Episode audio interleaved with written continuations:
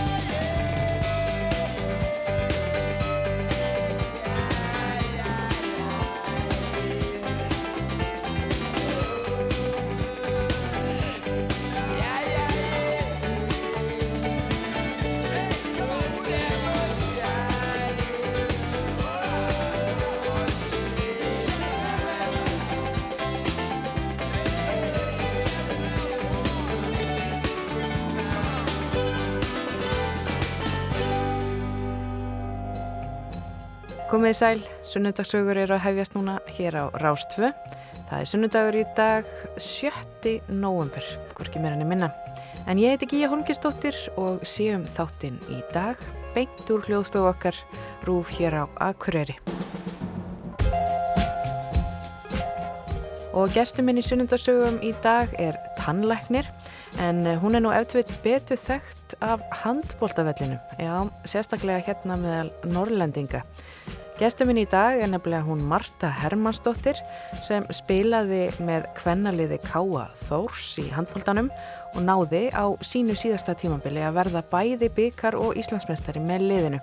Þannig hún hætti algjörlega á toppnum og við munum svona spjalla saman um ferilinn og, og, og margt og mikið.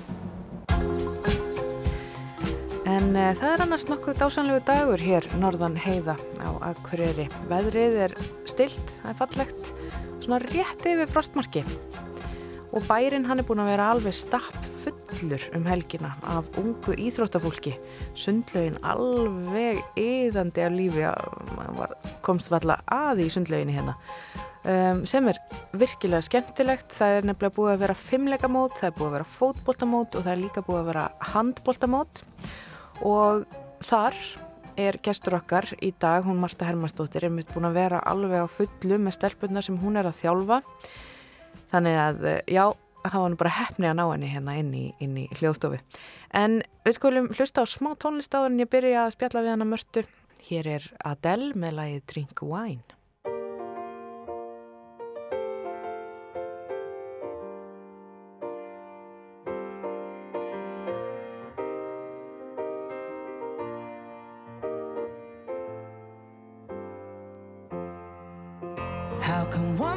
I'm so bounded by choices that somebody else makes. How come we both become a version of a person we don't even like? We're in love with the world, but the world just wants to bring us down by putting ideas in our heads that corrupt our hearts somehow. When I was a child, every single thing could blow my mind. Soaking it all up for fun, but now I only soak up wine. They say to play hard, you work hard,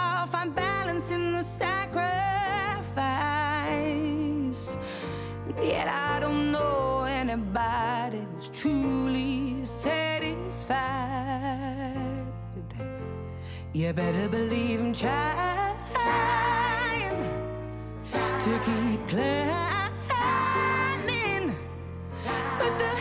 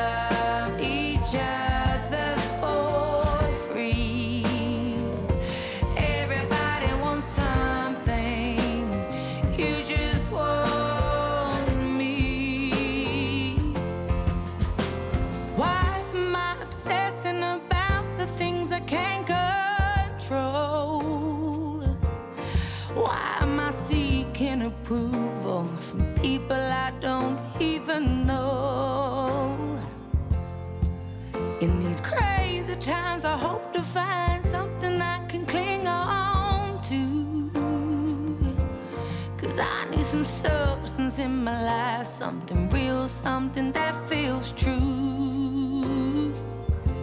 You better believe for you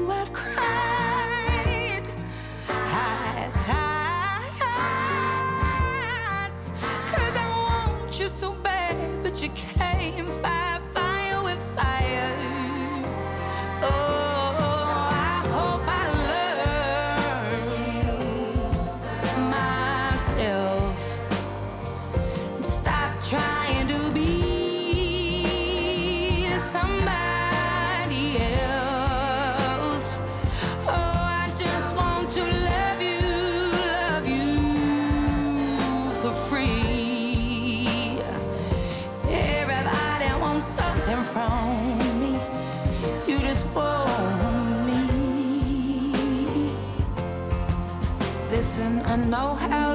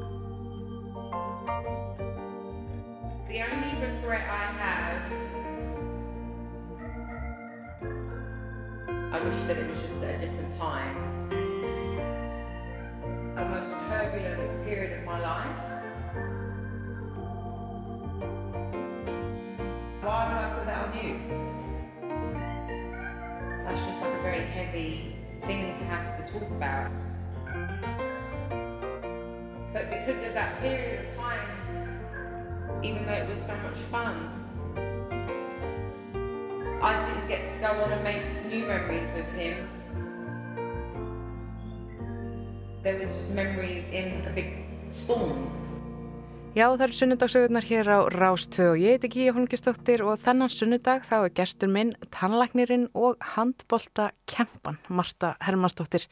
Marta átti langan feril í handboltanum og já, var svona á hátindinum þegar hún lagði skóna á hilluna. Þegar liðið hennar, Káa Þór, var bæði Íslands og byggarmestari handbolta kvenna. Og meðan hún var að þessu öllu þá vann hún í já, kræfjandi starfi sem tannlæknir hérna á Akureyri ásamt því að vera með heimili, þrjú, börn og allan hennan pakka. Verður velkomin Marta í sunnudagsögur hér á Rástfö. Takk kærlega fyrir að bjóða mér að koma.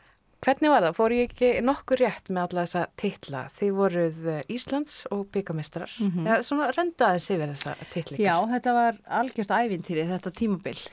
Við fengum til okkar frábæra leikmann sem var að spila í Danmörku, Rut Jónsdóttir og einn besta handbóltakona landsins sem var svona viðbót held ég akkurat púsli sem að vantaði í púsluspilið okkar. Við vorum að standa okkur vel þannig að ári tveimur ári áður þá tók Jónatan Þór Magnússon við liðinu mm. hinn gamla handbóltakempa Jónni, hann Já. hérna tekur við lið, liðinu þegar hann kemur heim frá Nóri að þjálfa og við erum þá í ekki efstu deilt, heldur í næsta efstu deilt, grilldeildinni.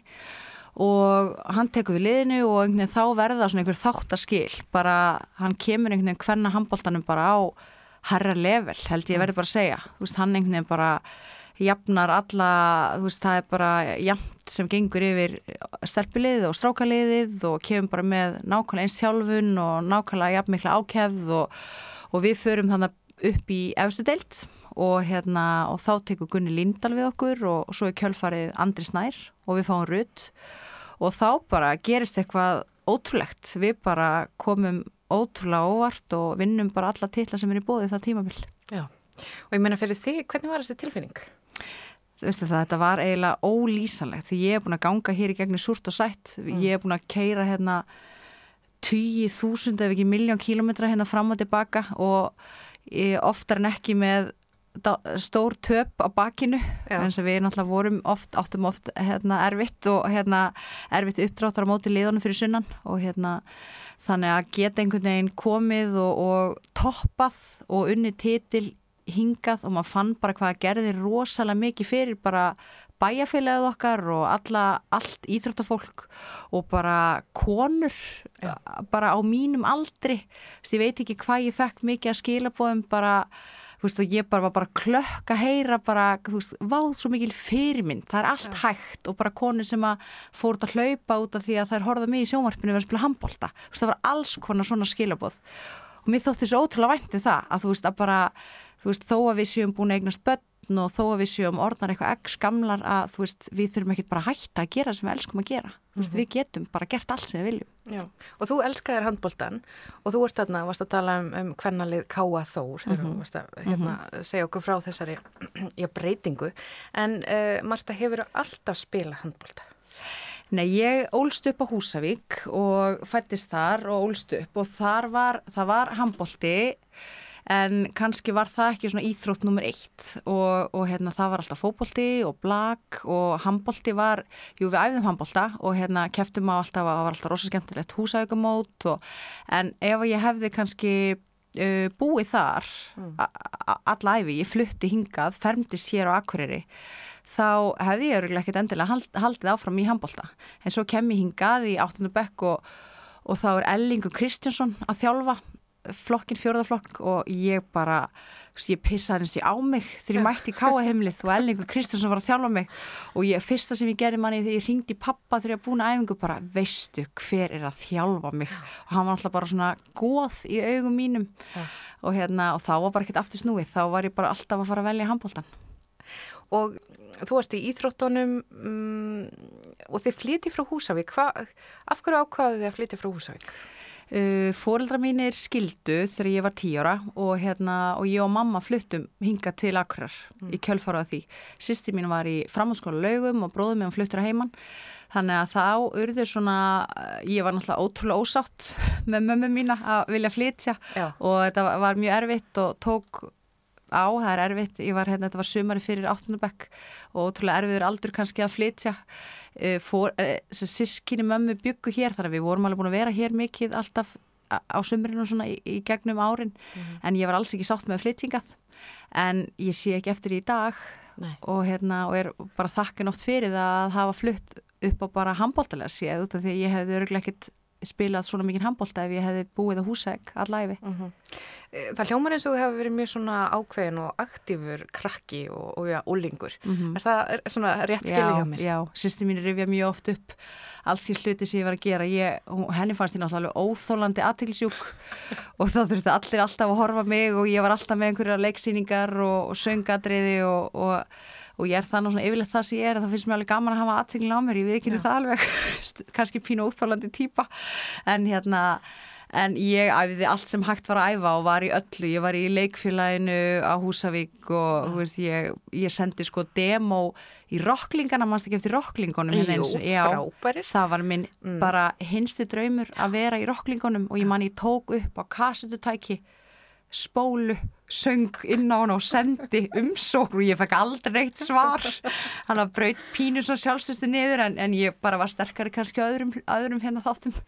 En, en, en þú talar um alls konar áhuga mál hvað svona langaði þið að verða þegar þú varst svona að velta því fyrir þér? Uh, Draumið mér var alltaf að vera læknir Mm. og það var alveg bara í gegnum ég veit ekki af hverju það var því að það er engin læknir í, í fjölskyldurum minni en það var alltaf, mér langaði alltaf að vera barnalæknir. Það var alveg minn bara draumur og stemdi einhvern veginn alltaf á það og ég á mjög auðvelt með svona eh, með, með að læra og gekk alltaf vel í skóla og þurfti ekki að hafa neitt rosalega mikið fyrir náminu. Mm og hérna, hana, en þrátt fyrir að vilja vera leikari og söngvari að þá svona kannski var það helst að vera læknir, held ég. Já, og var það það sem stendur á þegar þú svo fluttið til Akureyrar, þú spyrðið í handbóltanum og já, svo klárar þú grunnskólan og, mm -hmm. og, og ferðu svo í mentaskólan já. og er þetta bara þess að þanga saman stefnir? Já, ég fer í á náttúrufræðibraut í mentaskólanum og hérna vel, e, það var hægt að velja alls konar völ þar og vel allt sem að tengist svona læknisfræði, mm. lífilsfræði og og líffræði og efnafræði og svoleiðis þannig að ég stemdi alltaf á að fara læknisfræði og eftir útskrift þá hérna var sérst fyrsta skipti sem var svona intökuprófi læknisfræði ég alltaf ætlaði beint bara í klásus en það breyttist þarna bara mánuð áður og það var bara tveimu dögum eftir útskrift 19. júni þannig að ég dempi mér bara í þetta próf og kemst ekki inn mm. og ákveð þá að fara í klásus í tannlækninum vegna þess að það er svona svipið fög sem eru efnafræði og, og líffræði sem að hérna, hefði þá geta undirbúið mig fyrir intökuprófið sem ég ætlaði í það næsta ár og kemst bara óvænt inn í fyrstu tilrun og þá var bara ekkert aftur snúið eiginlega. Það er nú ekki margir sem komast í gegnum klásusin í, læknis, nei, hérna, í tannlæknin. Hva, hvað var þið mörg sem komast? Uh, við, við vorum sex. Já, af hver mörgum? Uh, guð, ég veit það ekki. Nei. Ég bara manna það ekki. 50 eða eitthvað. Snúur held ég 100 eða eitthvað í klásus. Þetta, þetta var, og þetta var mjög erfitt en ég er, ég er pínuð þannig típa ef ég ætla mér eitthvað þú veist þá ger ég það mm. og ég rifju upp oft þennan tíma að ég var að læra bara alla sólaringin en, en ég var samt, ég fór að spila handbólta með haukum og spilaði handbólta og við fórum í Evropakefni til Spánar og Portugal og þannig að þú veist, ég, ég held bara einhvern veginn að þú veist, það henda mig vel að læra og já, auðvelt með að læra. Og ég bara er skipulögð og hérna og einmitt komir eiginlega bara skemmtilega óvart. Ég bjóst ekkert við því að komast endilega inn.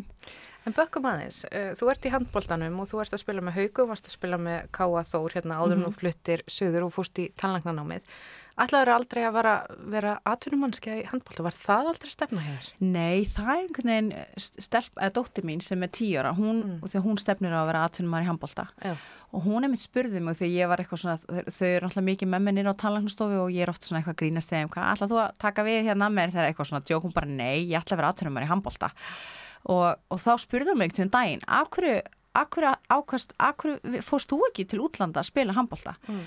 En það var einhvern veginn, veist, það var ekki alveg inn í myndinni þá, veist, það voru ekki margar stelpur þá sem fóru erlendis að spila.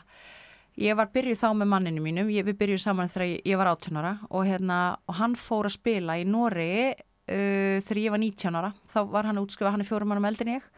Og hann fór að spila í Nóri og hann var 18 ára þar í ár meðan ég var að klára mentarskólinn hér. Og svo fór hann aftur til Danmörkur þegar ég var í talanhannáminu en það var einhvern veginn Það var ekki af sjálfsagt fyrir stelpur að láta sér dreifum þetta? Nei, það mm. var ekki, ekki eins og í dag nei. það sem bara eru jafnir möguleikar fyrir stelpur og stráka eða svona næstum því allavega. En ég, neina, mamma var svo ótrúlega hörðaði að bara ég ætta fyrir skóla. Og ég, þú veist, það voru margar stelpur svona tvær bestu vinkonum mínar í, í bekknum í mentaskólum, þær ákvaða að taka sér ár pásu og fóri í svona interrail, það var mm -hmm. rosa svona tíska þá og, og í dag er reyndar ennþá að fara og ferðast um þær fóru út um allan heim og hérna og ég var svona eitthvað viðrað þessu hugmyndi um mömmu og hún horfði á mig bara ef þú ferði ekki í skóla núna þá ferðu aldrei í skóla. Ótrúlega dramatísk. Það er þess að mömmur. Ég veit það og ég rifið þessum upp fyrir henni. Ég bara, svo, bara akkur ég, ég hef aldrei tekið með pásu? Akkur lefður mér, hún bara ég sæði þetta aldrei, ég bara, mamma, jú ég man þetta eins og þetta hafi gerst í gær það var svona alveg. Við sitjum hér uh, með Mörtu Hermannsdóttur, tannlækni og handbólta kempu, ég ætla að kalla það handbólta kempu allt við til, hvernig líst þér á það? Bara frábært, Við tökum okkur smá hlýja og komum svo aftur.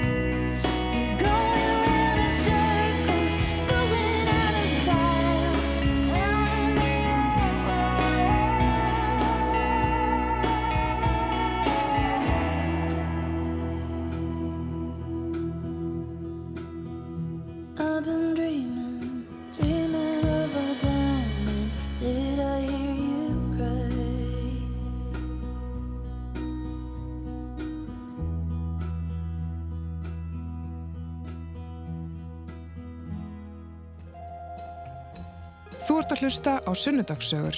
Alla sunnudaga klukkan 12.40 á Rástvö. Já, sunnundagsögurnar halda áfram hér á Rás 2 og það er hún Marta Hermannsdóttir sem situr hérna hjá mér. Marta, þú ert búin að vera að segja mig frá því, já, þú byrjaði hérna í handbolta með Káa Þór og þið algjörlega bara uh, þið skinuð þarna þegar þú varst að fara að leggja skóna á hilluna. Þú ert nú búin að segja skilið við handboltan, ert tannlæknir hérna á Akureyri en þú er svolítið að segja mig frá því uh, hvernig svona þú ákast að verða tannlæknir og, og og hvernig þú eitthvað neginn flettaðir handbóltan saman við þetta allt saman. Þú sagði mér líka að maðurinn hefði verið í atvinnumennsku þannig að því hjónin eru svolítið svona bæði í handbóltanum en hver er maðurinn? Hann heitir Heimir, Heimir Örn Átnarsson mm. og hann er hér akkurýrikur og var að spila handbólta hérna með Káa og hann er fjórum mannum eldin ég þannig að ég var bara átsölar á smástelpa þegar hann heitlaði myndum på skónum og og móðu mín var nú ekki alltaf sátt með það þegar ég fór að dinglast með einhverjum fjó, fjórum árum eldri strák hérna, einhverjum handbóltastrák þannig að hérna, en hann var að spila hér með Káa og fór, svo, svo fóru við söðu saman þegar hérna, ég útskriðast um mennskólum og hann útskriðast hér úr verkmyndaskólum var, var að vinna hérna og því hann er, eins og ég segi, fjórum árum eldri ég þannig að hann var aðeins búinn fyrr mm. og hann fór að spila svo fyrir sunnan þegar við fluttum með val og fór svo í kjölfarið eftir að hafa verið í Nóri þá fór hann til Danmörkur og fór að spila uh, í Silkeborg mm -hmm og ég var þá á fjörða ári í talarnadeildinni og ætlaði að fara út og taka skiptinám í eitt ár. Já.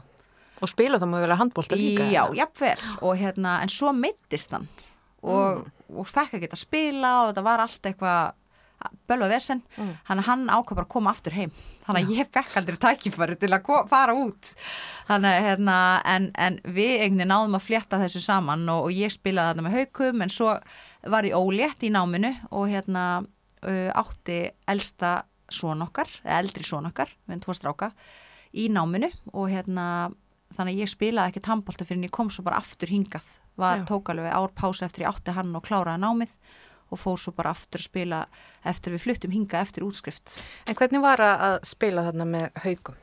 Bara frábært og ég á bara góðar vinkonur og sérstaklega eina vinkonur sem ég er í mjög miklu sambandi við og þetta var mjög skemmtilegu tími og þá voru haukar alveg upp á sitt besta. Við erum. Íslands og byggamestrar með haukum og fórum í Evrópukefnina og, og, og margir einmitt sem segja við mig og sögðu við mig fyrirfram þegar ég gerði samningu við hauka þegar ég fór söður, ég get aldrei farið í tannlæknanámið og klásus og, og verið á í 100% í handbólta uh mhm. -huh. en ég held að það hafi bara hjálpað mér veist, bara, ég er vönði og íþróttafólk er rosalega skipulagt og við erum vönið að þurfa að skipuleika tíma okkar út af því að við höfum ekki heimsins mesta tíma til að hangsa með uh mhm. -huh. þannig að ég lærði alltaf bara fyrir æfingar og svo mann ég reikna alltaf starffræði eftir æfingar, efnafræði eftir æfingar því mér starfið er að lesa eftir æfingar veist, þannig að þetta einhvern veginn gekk bara allt þessu í sögu En svo er þið komin hann með fjölskyldu, mm -hmm. þið eignist tvo stráka. Mm -hmm. um, eignust eitt strák já. 2006 og svo, svo þegar við flytjum hingað heim þá eignust við eina stelpu og já. svo aftur strák núna já, sem er sjöra. Já, uh, hvernig var svo að samina íþróttirnar, tannlæknanámið og svo mhm. fjölskyldulífið? Heyriði, það gekk nú alveg ótrúlega vel og eftir við flyttum hingað heim þá uh, ég kaupi bara strax stofu, ég útskefast 2009 og, og fæ upp í henduna bara stofu í fullum rekstri vegna sem var tannlagnir sem að vildi flytja söður mm. og hérna og var búin að vera með talnastofun á sölu þannig ég bara gengin í þann praksis og bara fullan praksis og brjála að gera.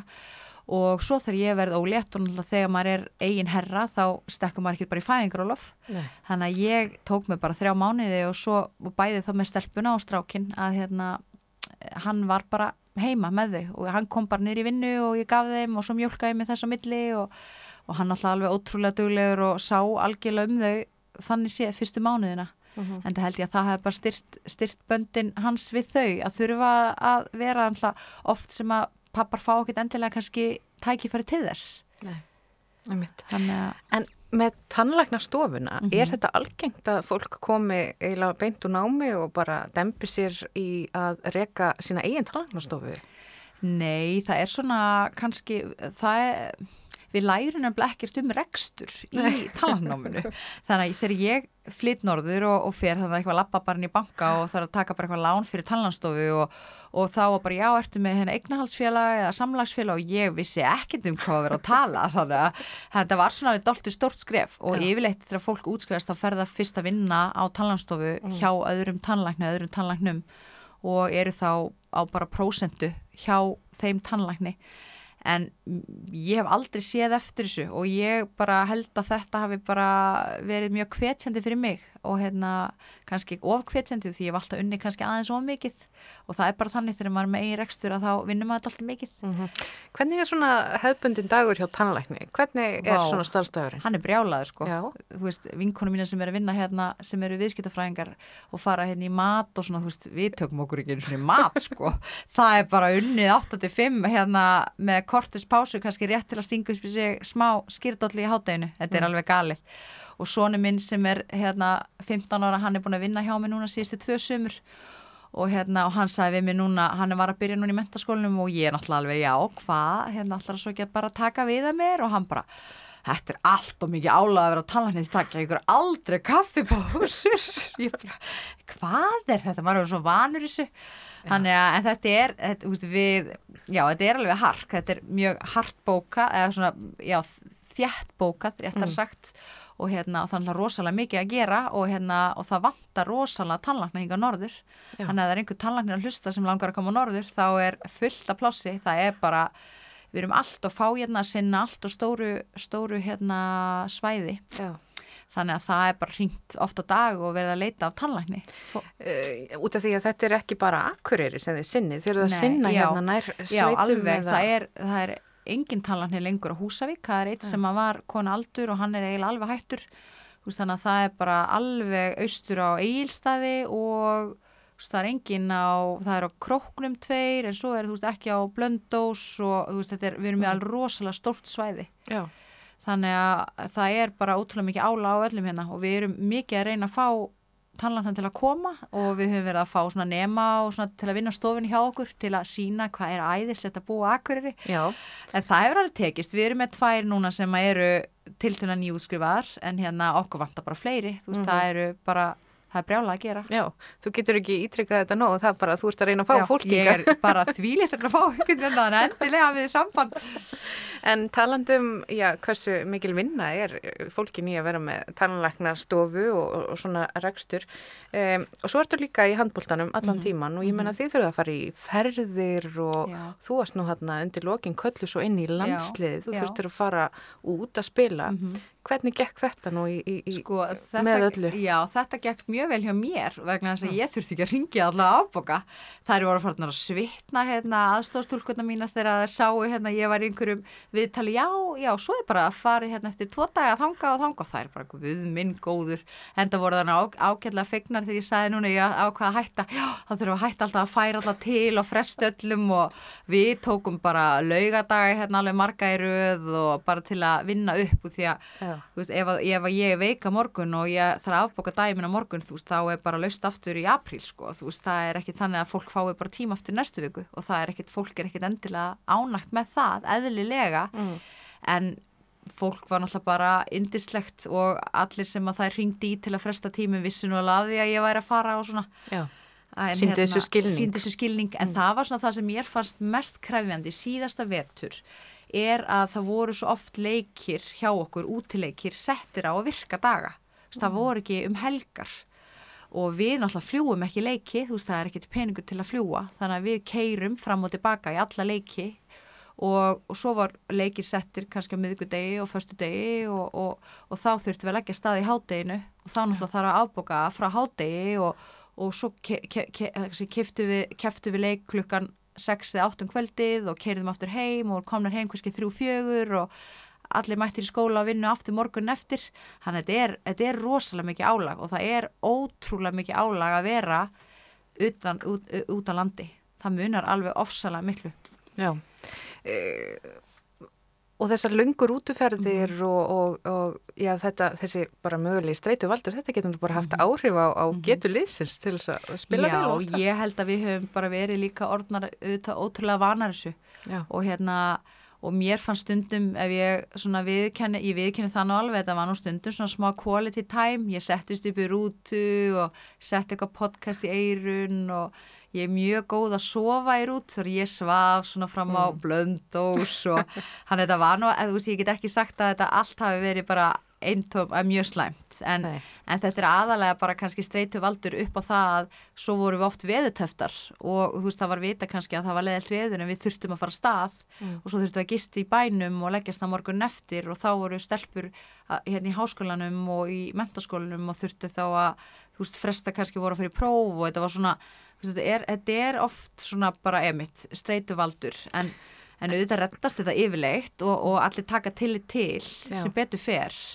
En er þetta eitthvað sem að handbólta sambandi þarf bara að velta fyrir sér eða hvað, svona þessi lið út á landsbyðinni? Við, við, þú veist, það var alveg rætt um það að reyna að hafa leikin um helgar, en svo Já. er þetta bara svo mikið leikjálag, eins og hjá okkur í fyrra vetur, það voru þreföld umferð og bara til að koma öllum leikjónum þá var það bara að spila virkundum líka. Mm. Við, og við rættum það alveg, þú veist, akkur er ekki bara færri leikir og, hérna, og freka það reynd að hafa leikin um helgar en, en það var svona, þú veist, þetta er bara eitthvað kannski sem þarf að ræða og reyna að taka tillit til oft svona, það er oft hérna, uh, já, stundum erfitt að taka tillit til landsbyðarlega, það er bara þannig því miður. Mm -hmm. En þið, eh, Káa Þór liðið þarna á þessari eh, já, þessu tímabili sem að var bara eitthvað neginn, þeir voru bara eitthvað spútning lið mm -hmm. þeir unnið þarna Íslandsmestara og byggar hérna mestara titilinn.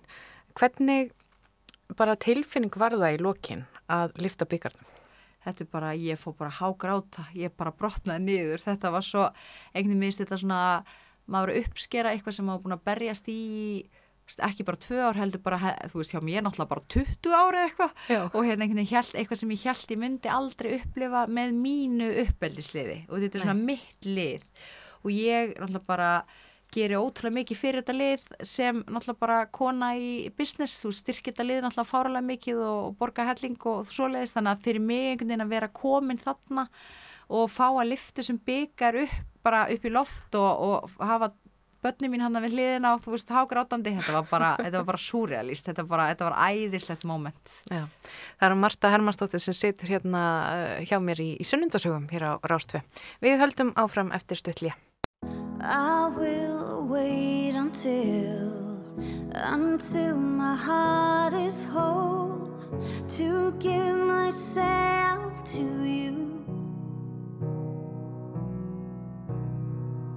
out on the limb for you, right on the edge of it all, all through the thick and thin. All of life's colors, colors fade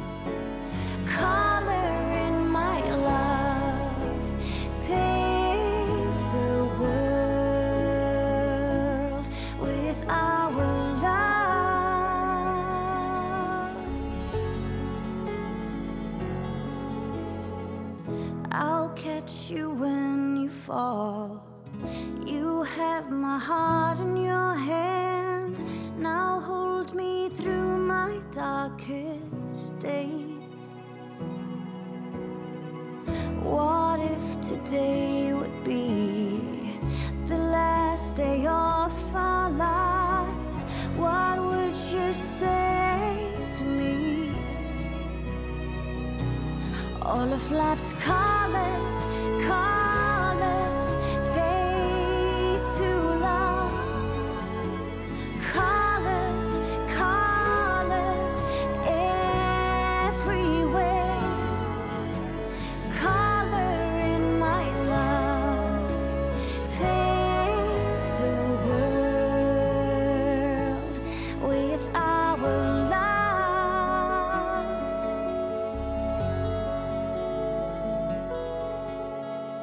Þið eru að hlusta á sunnundasögur hér á Rástvö. Ég heiti Gíja Holmgjörnsdóttir og séum þáttin í dag og hjá mér situr hún Marta Hermannsdóttir, tannlagnir og ég lofaði að kallaði þetta allan þáttin handbolta kempa. Ég er að elska þetta. Er það ekki? En Marta, þú varst að lýsa fyrir mér áðan uh, stundinni þegar það, að, að þau lyftir hana byggarnum en, en svo var nú stund líka hjartnæm þegar þið hérna kvennaliðið uh, Káa Þórs komið með flugi heim með byggarinn og það var tekið á mót ykkur í flugstöðinni hérna á Akureyri. Segðu mér aðeins frá því, hvernig var þessi stund? Hún var alveg ótrúleg. Við, það var náttúrulega hérna flugmaðurinn þegar við lendum óskáða okkur til hamingju og, og það var spilað þarna We Are The Champions alveg í hátrólum í flugvelni og svo saðan okkur að kíkja undan gluggan og þá var búið að stilla, var slökkuliði komið og búið að stilla tveimur slökkulisbílum sikkur með við flugbrötina og þeir hérna sprautuðu svona sigur hérna hvað maður að segja, sigur bunu þannig yfir og mm. flugulinn kerði undir þetta var alveg frábært og ég bara þetta var svo geggjað og svo náttúrulega komum við inn á flugstöðina og það var full flugstöð og bara því líka öskur og læti og bæjarstjórin hún var mætt og þetta var bara ógleimaleg stund og bara fólk hafi gert sér virkilega ferð niður á flugvellir að taka mót okkur var bara alveg ótrúlegt. En uh, funduðu ekki í bæjarfélaginu hérna á Akureyri að já, fólk var mjög stolt af ykkur? Jú, algjörlega og fannst bara eiga svona þátt í þessu sem að þau áttu vegna þess að við vorum alltaf með langbesta stöðningsmannaliðið og þegar við eh, unnum þessar tvo byggarað sem bara því miður var það á útivelli, báði byggarannir en bara liðið sem fylgd okkur söður. Við áttum hérna höllina í bæðisins lögadagshöllina þegar við unnum byggarleikin og í valseimilinu þegar við unnum Íslandsmeistartitilin. Þá áttu við stúkuna. Já. Það voru miklu fleiri akureyringar að horfa og miklu meiri stemning heldur en valsara skiluru. Þannig að það síndi bara að fólk gerði sér virkilega ferð söður og keiriði og eld okkur og mætti að horfa. Það var náttúrulega bara alveg ótrúlegt. En þú hættir þarna f- í handbólta eftir þetta. um, hvað varstu gummul þegar þú ákast að leggja skóna á hilluna Já, og maður segir? einmitt, þessa gömlu Já. ripnu skó. Já. Uh, það var núna bara í vor og þá uh, er ég 38 ára ég er ekki orðin 39 ára ég er, er hérna á gæmali finni desember þannig er gott að hafa það á reynu en hérna ég er 38 ára og, og þetta er það alveg eins og, eins og hérna í handbólti og þessi fylgjast með handbólt að sjá það að þetta er náttúrulega bara slagsmál og hérna oft voru vinkonum mín að segja þegar það voru að horfa á mig bara, þú veist, Marta, þú veist, þetta er svo fáralegt að þú sért ekki að drepast eftir leiki. Já. og það var einhandi sem sagði ef ég væri að henda mér hérna eldhúlskóli heima hafa mig bara fjóri sinnum bara fyrir og eftir máltíð, þú veist, ég myndi ekki standa upp aftur, þið hendi ykkur bara gólfið og þú veist, svo stendur maður bara upp og, en ég held bara að í svona leik þú veist, adrenalið er svo mikið að þú bara þú finnir ekki fyrir þessu, en guð mig góður ég fann fyrir þessu daginn eftir. Já, það það og, og það það að var erfiðast við þetta hérna, og svona pyrraði mitt alltið að, hérna, að ég fann að ég var orðið náttúrulega eldri að svona mér fannst ég svona endur heimti mín svo lengi ég var svo lengi að jafna mig Já, eftir já. leiki og, og svona og það, mér fannst það bara út af því ég, hausin á mér var ekki þar en líka minn var þar, þannig að ég var bara fann að fara í sund og synda milli leikja og svona því ég bara, þú veist, ég gat ekkert það var alltaf bara æfing alltaf daginn eftir. Ég gat bara ekkert farið og hlaupið og æfingu. Ég bara var bara, mjöðmyndar á mig voru bara búnar. Já, já. En hver, sko, þú ert 38 ára og, og ég, ég tók nú eftir því, ég las hérna aðeins viðtöl við þig svona frá þessum tíma og þú ert í einu viðtölinni kölluð hinn aldna Marta Hermannsdóttir og, og þú varst nú ekki alveg voðalega ána með þetta. og Lét varst eitthvað- einar heyra þá Já. Um, sko, er, er þetta gamalt í íþróttum, 38 ára, eða, eða var þetta út af því að þú ert kona, eða, eða hvers vegna komið þetta, Um, þessa svona aldurs, uh, þessi Fyrst- aldurskoni? Já, fyrst náttúrulega og það var, mér fannst öll viðtölu einhvern veginn svona snúan sem það og hvað hvenar, Mm. hvenar ætlar að fara að leggja skóna á veist, það var alltaf spurning með það. Og ég var alveg svona, þú veist, má ég ekki bara hætta mínu forsendum, ég hætti bara þegar ég er tilbúin til og svona, en og ég var nú eitthvað að kommenta það, já, fyrst þannig eitthvað þetta er nú bara þetta ég er kona, en svo hérna fann nú heimir maðurinn minn grein síðan hann var að spila. Hann, það eru nokkur á síðan hann, hann hætti. Og þá stóð hérna hinn þú veist ég man ekki eins og hvað hinn bara komin á elliklöp eða eitthvað skilur og hann var þarna 38-9 ára eins og ég. Þannig að Já. hann var nú ekki sammála með þetta tengdist kyninu neitt en ég hérna auðvitað í svona sérstaklega svona kontaktsporti þá er, er líka minn oft þólir ekkit mikið meira. Og hérna það er annað við væri kannski að hlaupa eða hjóla þar sem fólk er oft bara næstu því að toppa á þessum aldri að hérna þá er bara ekki svona rosalega þessi, þessi mikið álag og högg og svona á líkamann. Nei. og ég var búin að fara, þú veist, ég var búin að fara oft í sterasprautur og ég svona kannski fór ekkit alltaf vel með líkamann á mér því ég var ekkit ofsalega góð alltaf. Þannig að hérna, en ég held núna að eftir þetta tímabil þegar ég ætlaði að fara að henda mér aftur til bæknulegnisins þá, þá hérna sagði mér að ég er nú að hugsa um það ég, ég ætlaði að kannski að spila golf og fara að hlaupa eftir tíu ár mm. veist, ég er líka að hugsa um það Já, út í að það kemur ofta ekki alveg strax í ljós hvernig maður fer með líkamann sinn Nei. Þannig að þú þurftir að hugsa svolítið um bara... Já, og þetta var erfi ákvörðun, Mm. þetta var það og hérna, og fann, ég fann alveg að hérna, mér fannst því svona, ég var svona pínu sorgmætt inn í mér og Já. hérna, mér fannst því pínu svona tóm því ég var alltaf, handbóltastelpun og ég var alltaf handbólta, þú veist, og þá var ég svona mitt identity einhvern veginn farið. Mhm. og ég var svo hrætt um að ég erði bara, það var einhvers sem kallaði þetta svona íþróttamanna timburmenni, maður erði bara pínu svona leiður og, og lítill í sér einhvern veginn. En, en ég held að hérna, úst, ef maður gerir þetta á sínum forsendum og því ég gerði þetta ekki út því ég meittist og varða hætta heldur meira bara svona ég var hann sött og sátt Já. að þá hefur mér einhvern veginn bara liðið ótrúlega vel með þessa ákvörðun Mhm. En svo er það þetta að vera móðir og vera í, í að spila já, handbólta eða vera í íþróttum og já, maðurinn þinn var nú líka í, í handbólta og, og þið voruð svona bara alveg í sömu stöðu. Um, Fekst þú miklu fleiri kommenta á sko, hvað eru börnin og hvað eru það að gera við börnin? Já, ég ég upplýði þetta alveg og sérstaklega þegar börnin voru, voru yngri og þá var hérna og því ég byrjaði alltaf fljótt eftir batspurð að æfa og hérna og við heiminn alltaf vorum aldrei að æfa á sama tíma og þegar við vorum bæði hér að spila og það er bara eitt íþróttaheimili hérna í káaheimili þar sem við vorum að æfa og hérna þannig að það stanguðist aldrei æfingarnar á. Þannig að hann fór bara fyrstu æfingu og svo tók hann krakkana við eða öfugt en mér fannst oft svona og ég kannski upplýði það sem bara pínu þú veist, einhverja svona öfunnsíki í fólki þegar þú veist, og hvað er þú bara hérna, veist, hver, hvað eru börnin, hvernig hefur þið tíma, þú veist, hver er að sinna börnunum þínum, eitthvað svona svona leiðinda komment þegar ég ætla að vara að vinna og svo fórum við beint á æfingar. Og bara, þú veist, hver er að sinna börnunum? Eins og maður væri bara ekki að standa sig. Já. en eins og ég sagði oft, þú veist, ég vil frekar hafa börnum mín bara í íþróttaheimilu með mér heldur en að vera heima að horfa sjónvarpið. Eða, eða þú, veist, það er ekkit endilega alltaf hérna, þessi úlfatími sem að maður er eitthvað full að gera með börnunum sínum það er allir þreyttir og þú veist, þannig að ég held að þau hafi bara þau upp í staði grætt á þessu sko. Og eru þau, já, í handbólta líka já, eða? þau eru öll á fulli íþróttum Já. og hérna hafa rosa gaman að þessu og, og dóttir mín sem að miðja mín sem er tíur að veist, hún átti mjög erfitt með að ég var að hætta og út af því hún var bara svona ein af liðinu, þú veist, hún hitta oft upp með okkur og kom alltaf í pottin með okkur eftir seguleiki og það var að fyrsta sem hún sagði þegar ég tilkynntina að ég var alveg ákveðin í því að hætta. Og þú veist, og getur við samt farið í pottin með stelpunum eftir leik? Þú veist, það var svona í alveru bara, henni fannst þetta bara virkilega erfitt. Og þá sá maður alveg sko, hvað þetta er að gefa þeim mikið. Og hérna, eldri sonu minn sem er 15 ára hérna, þó hann hafi nú fundist, stund, stundum fundist mamma sín kannski ekki rosalegur, rosalegur töffari en hérna ég fann það alveg að hérna, hún fannst þetta alveg gaman að mammas var ennþá að spila handbólta eru yngri leikmenn eitthvað að leita að ráða hjá þér? Varandi hvernig á að samena fjölskyldulíf og, og íþróttir eða samena feril og íþróttir?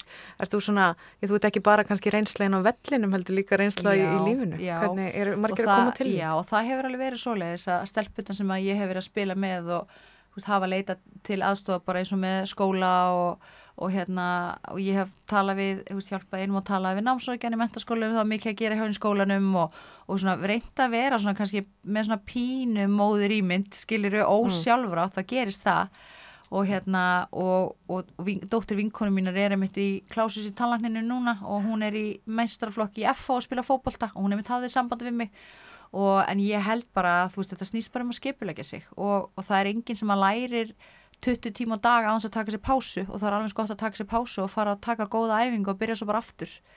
Þannig að ég, já, ég, já, ég held að ég hafi verið svona vonandi, góð fyrirmynd fyrir þær. Og það hafa, þær hafa sagt það við mig að þeim finnst gott að leita til mín og svona. Þannig að þó að stundum kannski ég hafi líka verið leðileg við þær þegar þær voru alltaf að drekka hérna orkudrykki nokko og eitthvað og þær voru alltaf felda fyrir mér því ég var alltaf töðandi Er það tannlæknirni? Já, þá? Já. það er, það er ekki mamman Marta heldur talaninu Marta þannig að það var svona stundum kannski hérna fannst það mér of mikið hérna, mamma í hópnum en þú veist ég held að þær hafi bara kunnað að meta það Já, talandi um tannlækningarnar um, segðu mér aðeins sko, fyrir hverju brennur í sambandi við tannlækningar? Og það nú ertu búin að vera tannlæknir í mörg ár.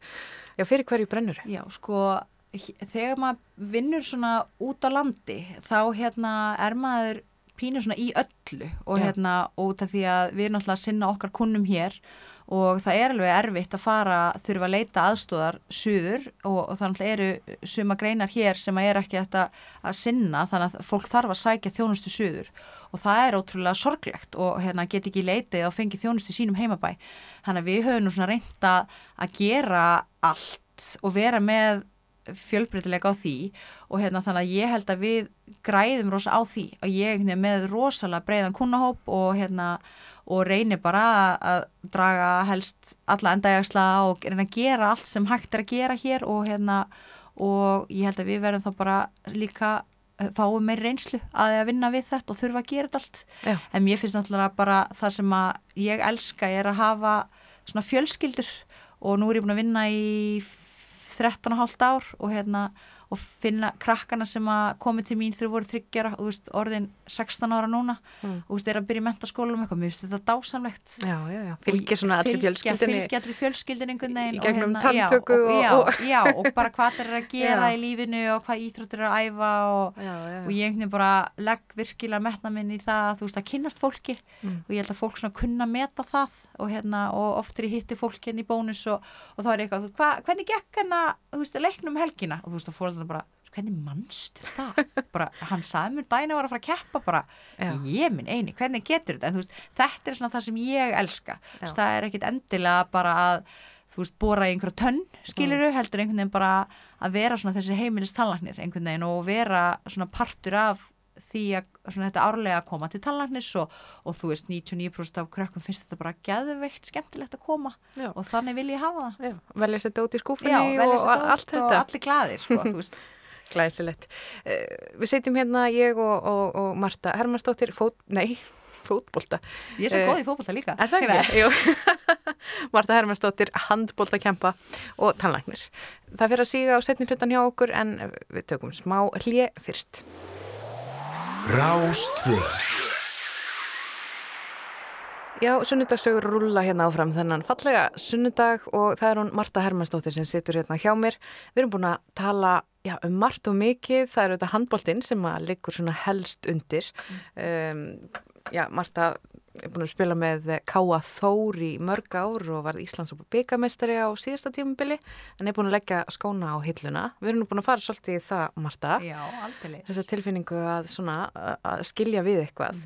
Um, en þú ert nú tannlæknir og ert búin að vera það lengi en hvað hefur svona tekið við uh, eftir að, að þú ert búin að leggja þessa frægu skó og Já. hillina og handboltin er svona, já, þe- þeim kabla í lífinu er lokið. uh, Ég fór að þjálfa og ég vissi alveg að ég gæti ekki alveg slitið mig frá þessu þannig ég ákvaða að taka við hérna sjöttaflokki kvenna þannig ég er að þjálfa 10-11 ára stelpur sem ég finnst alveg styrlað Já. mér finnst þetta svo skemmtilegt og ég mér langar að kenna þeim svo ótrúlega mikið á ótrúlega stuttum tíma þannig ég þarf alveg svona að tella upp á tíu og anda djúft og þetta er hérna löngu vegferð en mér, finnst- mér finnst það frábært þannig að þá, þar fæ ég einhvern veginn að hérna En svo ákvaðu ég á svo frábæra vinkonur að Já. þær hérna vissu það að oft þegar að íþróttamenn hætta og þurfa að hætta þá oft finna þið fyrir depurð og tómleika eins og við rættum áðan og hérna hana, það er aldrei skripið mig og við ákvaðum að skrá okkur hérna í landvættin Já, já. sem er svona uh, þraut, mm. ekki, fyrir mér er þetta náttúrulega keppni, Já, allt sem ég gerir Þú ert keppni í sem er eiginlega pínu vandræðalegt en, hérna, en þetta er vissulega þraut, þetta er ekki Mm. keppni. Og hérna þá erum við að fara að fara í gönguskíði í apríl sem er hérna Fossavaskanga sem eru 52 kílómetrar sem er bara hálfa leið til húsækur mér finnst þetta náttúrulega bara, fyrir mér er þetta alveg óyfirstjærlegt út af því ég er ekki vön svona endurance sporti. Já en við erum bara að byrja að æfa á fullu og svo ætlum við að taka hjól í júni, sund í júli og svo hlaup í ágúst. Já. þannig við erum að æfa eiginlega svona fjórar þrautir. Og við erum bara, við erum svo geggjaðar við erum bara búin að búa til Excel-skjál og við byrjum að æfa bara fyrsta seft og veist og þetta tekur bara, þetta er bara ársprósess Já. og hérna og við erum alltaf að segja um it's a journey not a destination. Þannig að þetta er algjörlega þannig að við erum bara að njóta og okkur finnst þetta ótrúlega skemmtilegt og við hlæjum alveg endalust mikið og við erum að byrja að hérna, hanna búninga og panta í hérna, haustum okkur og finna nöfn og bara, veist, er bara Og eru komin eitthvað nöfn og... Já, það það er ekkit ofinbært Ekkert opinbert, nei, nei, það er ekki alveg komið við ætlum fyrst að hanna logoið Nei, En hvernig er að, hérna, já, nákvæmlega hann að logo, Já. en hvernig er að fara úr út af því að handbóltinn, þar ertu bara í svona einhverjum sprettum Mhm. og fer svo bekkinn og já, það er svona álægi stuttan tíma. Já. Hvernig er að þjálfa hausin á sér í... í þetta er mjög erfitt. Já, og já. mér finnst þetta rosalega erfitt. Og ég, ég, hérna, og ég hef aldrei verið í svona sporti og hérna alltaf bara það lengsta sem ég hlaupi voru bara 5 kilometrar eða eitthvað. Og núna erum við, við erum hérna á hjólanámskeiði upp á Bjargi hjá Hafdísi og það er einmitt svona endúran sitja á hjóli klukkutíma hjóla.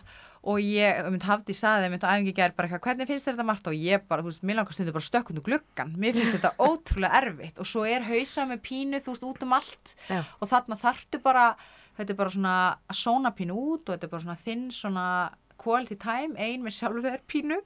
Og hérna, en ég veist, ég bara hausin á mér er, ég þarf að læra þetta. Ég þarf að einhvern veginn að læra að meta þennan svona að æfa svona rólega í langan tíma. Já. en ég held að muni koma þú veist, ég er alveg betur núna heldur en bara ég var í sumar, þú veist, að fara út að hlaupa og hlaupa þá rólega og lengi. Einmitt. ekki bara spretta í 5 kílometra og springa svo. Þar var ég meira. Þannig að en, en einhvern mínu sem eru með mér að æfa þær eru vanari í þessu og eru búin að vera duglega að hlaupa þannig að við erum bara, ég held að við bara hjálpum hvor annari, algjörlega. Ég tala alltaf tímanum með að við erum að hlaupa og Já. hérna, þú veist, það er svona mitt svona einhvern veginn. En hérna, en vonandi bara pottit verður þetta gaman, það er spurning hvernig hvort ég eigi nokkuð eftir að vinna þetta samt, ég veit það ekki alveg. Já, það, já, en þú veit allavega, þetta er svona þessi nýju kapli í lífiðinu í, í, í svona varðandi reyfingu. já, já En tölum aðeins um bara sko, næstu áskorunir sem tannlæknir, svona aðeins í lokin. Ætlar að, að Um, það eru sérnám og ímislegt sem er hægt það að var gera? alltaf planið hjá mér og þegar ég útskrifaðist að þá var alltaf planið hjá mér að fara erlendis og fara í sernám og mér langaði alltaf að fara í einhverja svona kjálkaskurlafningar eða kýrogíu en svo eins og ég segi flutti ég hinga norður og keifti stofu og eignuðis börnin og handboltinn og, og það einhvern ég setti það svona pínu til hliðar og hérna, en svo veit maður aldrei, þú veist, það er aldrei og seint, ég er ofta að vinna sem tallagnir uh, í 30 ári viðbútt og hérna, og það getur vel verið að að við hendum okkur bara út og ég fara að læra meira eða eitthvað, það er bara spennandi líka tímar að, að vita það að það er kannski bara alls konar óvænt eftir að gerast. Já, svo eru börnin komin á fullt í handbóltanum og Já, það já. er með handbóltamót núna, þú ert að fylgja stelpunniðinni, Já, er það ekki? Á, við erum að vera alla helgina henni í káaheimilina að keppa og ég að þjálfa þannig að, þannig að þetta er bara indislegt, ótrúlega skemmtilegt. Nærða að halda kúlinu sem svona handbóltamamma, hvernig Nei, gengur það? sko, ég er alltaf bara galinn þjálfari. Ég er bara brjáluð á hliðalínu og ég þarf alveg svona að passa mig. Bara, þær eru tíu ára Marta. Þú veist, ég er bara eitthvað næstu því fann að skamma dómar en ég er ég næ að halda kúlinu en ég á alveg erfitt með það, ég er svo mikið kemsmannskja það er alveg þar sko. Já. og dóttur mín er alveg eins, hún fær bara blóðna sér reyði og hún tapar sko, hún er þar. En uh, það er búið að vera frábært að spjalla við þig, Marta Hermannsdóttir. Við erum búin að fara yfir handbóltaferiliðin sem að já, spannaði langan tíma og, marga titla og ímislegt. Uh, svo líka tannlækningarnar. En það er eitt í lokin. Þú valdi lag til þess að svona Já. fylgja hlustendum út í daginn. Segðu okkur aðeins hvaða lag það valdir og var af alveg hverju? frekar erfitt og því að maður á alls konar lög það er lag sem minnum á þrjóðum Íslandsmeistarar og það er lag þegar við vinkona fórum erlendis í, þú veist, þrítusferð og svona en svona lagið sem að minni mig einhvern veginn á minn stærsta hluta sem er náttúrulega handbóltinn það er hérna uh, Shake It a Baby Now sem að við sungum alltaf stelpunar og ég, og þetta eru bítlarnir. Þetta eru bítlarnir Mhm. og við tókum þetta og því eins og ég sagði á það með rocklingana, ég hef, mér langa alltaf að vera söngkona, Já. þannig að þetta var lag sem að ég söng fyrir hvern einasta leik og þær tóku undir og í öllum partíum, alltaf þegar, þú veist, þegar voru að gæsa mig, þú veist, þá sungum við alltaf þetta lag og hérna, og þetta er svona þegar ég var svona að tala við vinkonum mínar um þá var, þú veist, þetta lag sem að myndi þær á mig. Þannig að hérna, ég bara held að það er allir eftir að komast í gríðald stuð þegar þið hlusta á þetta lag. Já, held ég líka. Marta Hermannsdóttir, uh, já, handbólta kempa og tannlæknir. Takk fyrir komuna hinga í sunnudagssögur og, og bara góðan sunnudag. Takk hella fyrir mig.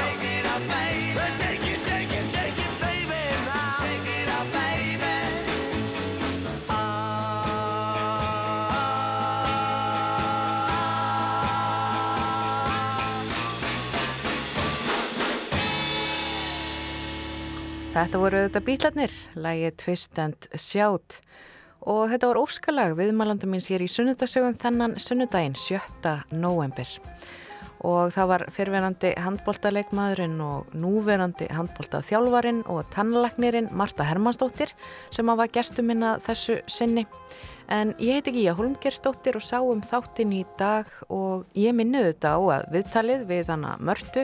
Það dettur inn í rúf spilaran hér strax að loknum þætti. Og ég mæli með, þar má líka finna fullt af eldri viðtölum sem hafa verið tekin hér í sunnundagsögum, alveg glás af góðu efni. Þannig endilega kikið inn á spilaran okkar og hám hlustið þar eða bara þá hlaðvarpsveitu sem að þið kjósið. En uh, ég kveð ykkur hérðan að norðan, takk fyrir að hlusta.